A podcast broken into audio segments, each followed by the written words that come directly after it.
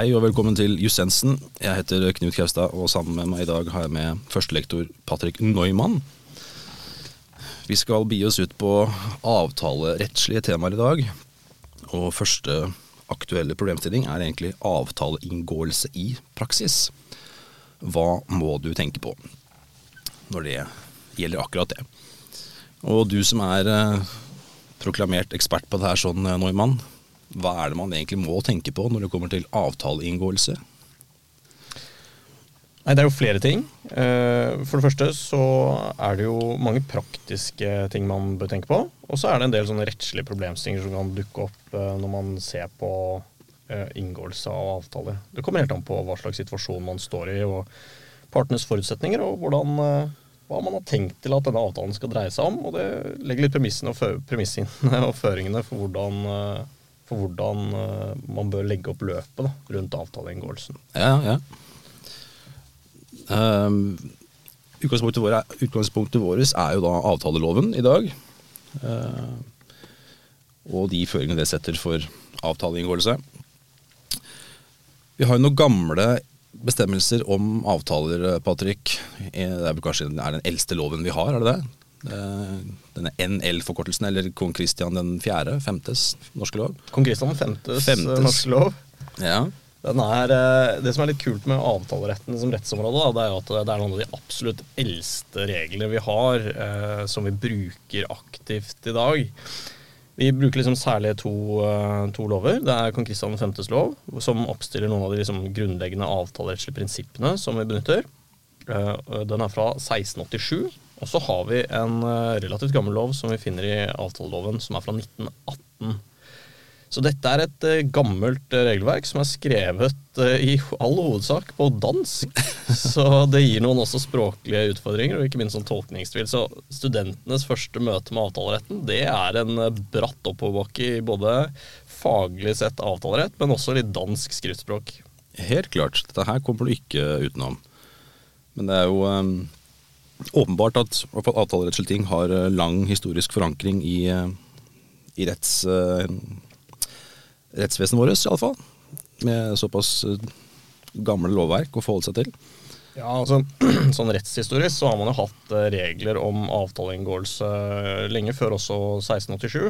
Mm. Men man fikk en, eh, en, eh, rettsliggjøring og en formalisering av mange reglene når man fikk dansk styre. Og noen av disse reglene de finner vi da i kong Kristian 5.s norske lov. Den eh, er jo i dag ganske fragmentert. Flere av reglene har forsvunnet etter hvert, så vi ser liksom en inndeling av loven i ulike bøker, hvor noen av bøkene fortsatt, fortsatt finnes igjen, da, som f.eks første bok, andre bok og femte bok. De andre bøkene de har liksom forsvunnet, og så ser du at det er noen kapitler som fortsatt ikke er erstattet av nyere lovverk. Så reglene som vi finner som, som er relevante for oss i avtalerettslig sammenheng, det er uh, i den femte boka, eller bok som det står på dansk, om adkomst, gods og gjeld. Og her finner vi et eget uh, kapittel om kontrakter og forpliktelser. Og her ser vi noen av de liksom, tidligste spirene til rettsliggjøring omkring prinsipper om avtalerett. Mm mye snacks å hente fra kong Kristian 5.s norske lov der. Men eh, hvis vi går tilbake til avtale og avtaleinngåelse, hva, primært sett, hva er eh, de enkleste stega å forklare hvordan en avtale faktisk inngås? Nei, Det er egentlig et ganske sammensatt spørsmål. Mm. I utgangspunktet så opererer eh, avtaleloven med en modell hvor man snakker om tilbud og aksept. Så det er ikke konkret regulert i avtalelovens kapittel 1. Man har liksom ikke en bestemmelse eller en paragraf som sier at uh, tilbud pluss aksept er lik rettslig bindende avtale, men man innfortolker det gjennom å lese bestemmelsene i sammenheng. Og man bruker da betegnelsen tilbud og aksept. Og derav så kan vi si det at vi oppstiller en, en systematikk eller en lære om at tilbud og aksept det blir en rettslig bindende avtale. Ok, skjønner. Uh, avtaleloven bruker jo også noen uh, begreper og, om det er med frister. Er det noe som har noe å si med selve avtaleinngåelsespørsmålet, eller er det noe som er på siden? Ja, uh, avtaleloven har bestemmelser om frister. Uh, den har liksom to uh, regler om det. For det første så har den en regel som sier at hvis du ikke har avtalt noen konkret frist, så bestemmes fristen på en litt sånn kompleks måte at du, Den beregnes ut fra hvor lang tid du regner med at det går med å sende tilbudet, og så skal mottakeren av tilbudet få rimelig tid til å overveie tilbudet. Det vil si at hva du kjøper, og kompleksiteten av, eh, av det som Eller ikke nødvendigvis kjøper, men det du inngår avtale om. Det kan være med på å bestemme hvor lang tid du har på å overveie eh, til det tilbudet du har fått. og så er det slik at Eh, du skal også ha muligheten til å returnere den forsendelsen ved en aksept, og det er også en egen fristberegning. Så det er modellen hvis du ikke har satt en akseptfrist. Mm. Har du satt en akseptfrist, så må du naturlig nok godta tilbudet innen akseptfristen er ute. Så det er en ganske pragmatisk og enkel regel å forholde seg til. Så det er modellen når det kommer til liksom akseptfrist. Så det er en ting man må tenke på. Det, det sier seg litt selv. Avtaleloven er på mange måter relativt logisk. At hvis du har sendt et tilbud med en frist, så må du akseptere tilbudet innen fristen. Så dette er regler som er uh, enkle å forholde seg til i sånne utgangspunktet. Ja. Hvis vi skal summere opp egentlig det vi har snakka om hittil, så vi, i og med at vi har introdusert med hva må du tenke på i forbindelse med avtale, avtaleinngåelse, er det en banal forenkling å si at uh, en avtaleinngåelse er egentlig tilbud og um, aksept innenfor eventuelle frister? Ja, det kan man si, uh, men det er helt klart andre måter også avtaler kan inngås på. Uh, det er ikke bare gjennom tilbud- og aksept-modellen. Vi har også avtaleinngåelse gjennom andre varianter, som f.eks. konkludent atferd, altså man inngår avtale med måten man opptrer på. La oss f.eks. si at to parter har handlet med hverandre over mange mange år. Det blir ikke skrevet noen kontrakt eller gjort noen konkrete ting i forbindelse med avtaleinngåelsen, utover at partene gjør som de alltid har gjort.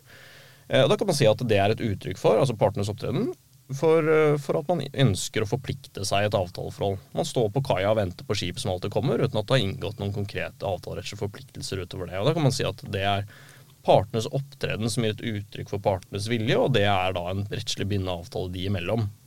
Eh, så man kan godt si at eh, det er flere måter som, eh, som avtaler kan inngås på, deriblant tilbud- og aksept-modellen. Mm. Det er den vi ser er regulert i avtaleloven kapittel 1.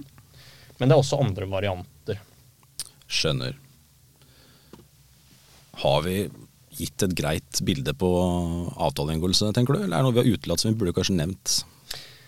Nei, men kan du jo eh, si litt om hva som styrer avtaleinngåelse. Sånn, hva er de grunnleggende prinsippene for når man inngår en avtale? Eh, og Det er de vi finner forankra i kong Kristian 5.s lov av 1687. Mm. Eh, det er ikke bare der, men vi sier også at det er uttrykk for både sedvane, altså praksis over lang tid, og som er forankret som prinsipper i norsk rett. Og Det er tre slash fire prinsipper. Det ene er at avtaler skal holdes. Det er egentlig et prinsipp som vi har importert fra andre rettstradisjoner. Mm. Men det sier seg jo selv at hvis eh, man plutselig har det motsatte prinsippet, om at man ikke er forpliktet til å holde de avtalene man inngår, så vil jo det liksom legge til rette for et anarki, at man ikke trenger forholde seg til noe som helst. Så vi må ha et utgangspunkt hvor man sier at de avtalene man inngår, de er man forpliktet til å følge. Ja. Så Det er det ene. Det andre er jo at vi har et uh, prinsipp om avtalefrihet. og Det betyr at man kan inngå avtaler om hva man vil, med hvem man vil, når man vil og hvordan man vil, uh, som et generelt utgangspunkt. Og så er det naturligvis unntak fra disse prinsippene. Mm. Eh, og Det tredje prinsippet er egentlig en avlegger av eh, prinsippet om avtalefrihet. Men det er eh, et prinsipp om formfrihet. Altså at man kan inngå avtaler hvordan man ønsker, både skriftlig og muntlig. Og Vi mm. finner dette i kong Kristian 5.s lov, i femte bok, første og andre artikkel. Der er det liksom opplistet en hel rekke ting som man mener at avtaler kan, kan gå ut på. Og Det liksom, tar vi til inntekt for at det er et prinsipp om avtalefrihet og formfrihet. Mm. Eh, I tillegg så kan man jo si at det er et uh, siste prinsipp, men det gjelder generelt i kontrakter, ikke liksom uh, grunnleggende avtalerett som sådan. Og det er prinsippet om lojalitet i kontraktsforhold. At partene har en plikt til å ta rimelig hensyn til hverandres interesser når man inngår avtaler. Eh, og det kommer til utslag i flere steder i lovverket. Vi ser det ikke liksom bare i, i, i avtaleloven eller kong Kristian 5.s lov, men vi ser det også andre steder. F.eks. i reglene i, kjøpsloven, når vi snakker om opplysningsplikt og undersøkelsesplikt. Akkurat, ja. Så det har smitteeffekter over i andre relevante eller tilstøtende lovverk. Da, med andre Ja, absolutt. Ja, men så greit. Da må vi må virkelig kunne påstå at vi har uh, lagt frem et uh, saftig, godt inntrykk i første episode om avtaleretten. Da takker egentlig vi for oss for denne episoden her, så høres vi igjen i noen nye episoder innen avtalerett. Hei, hei.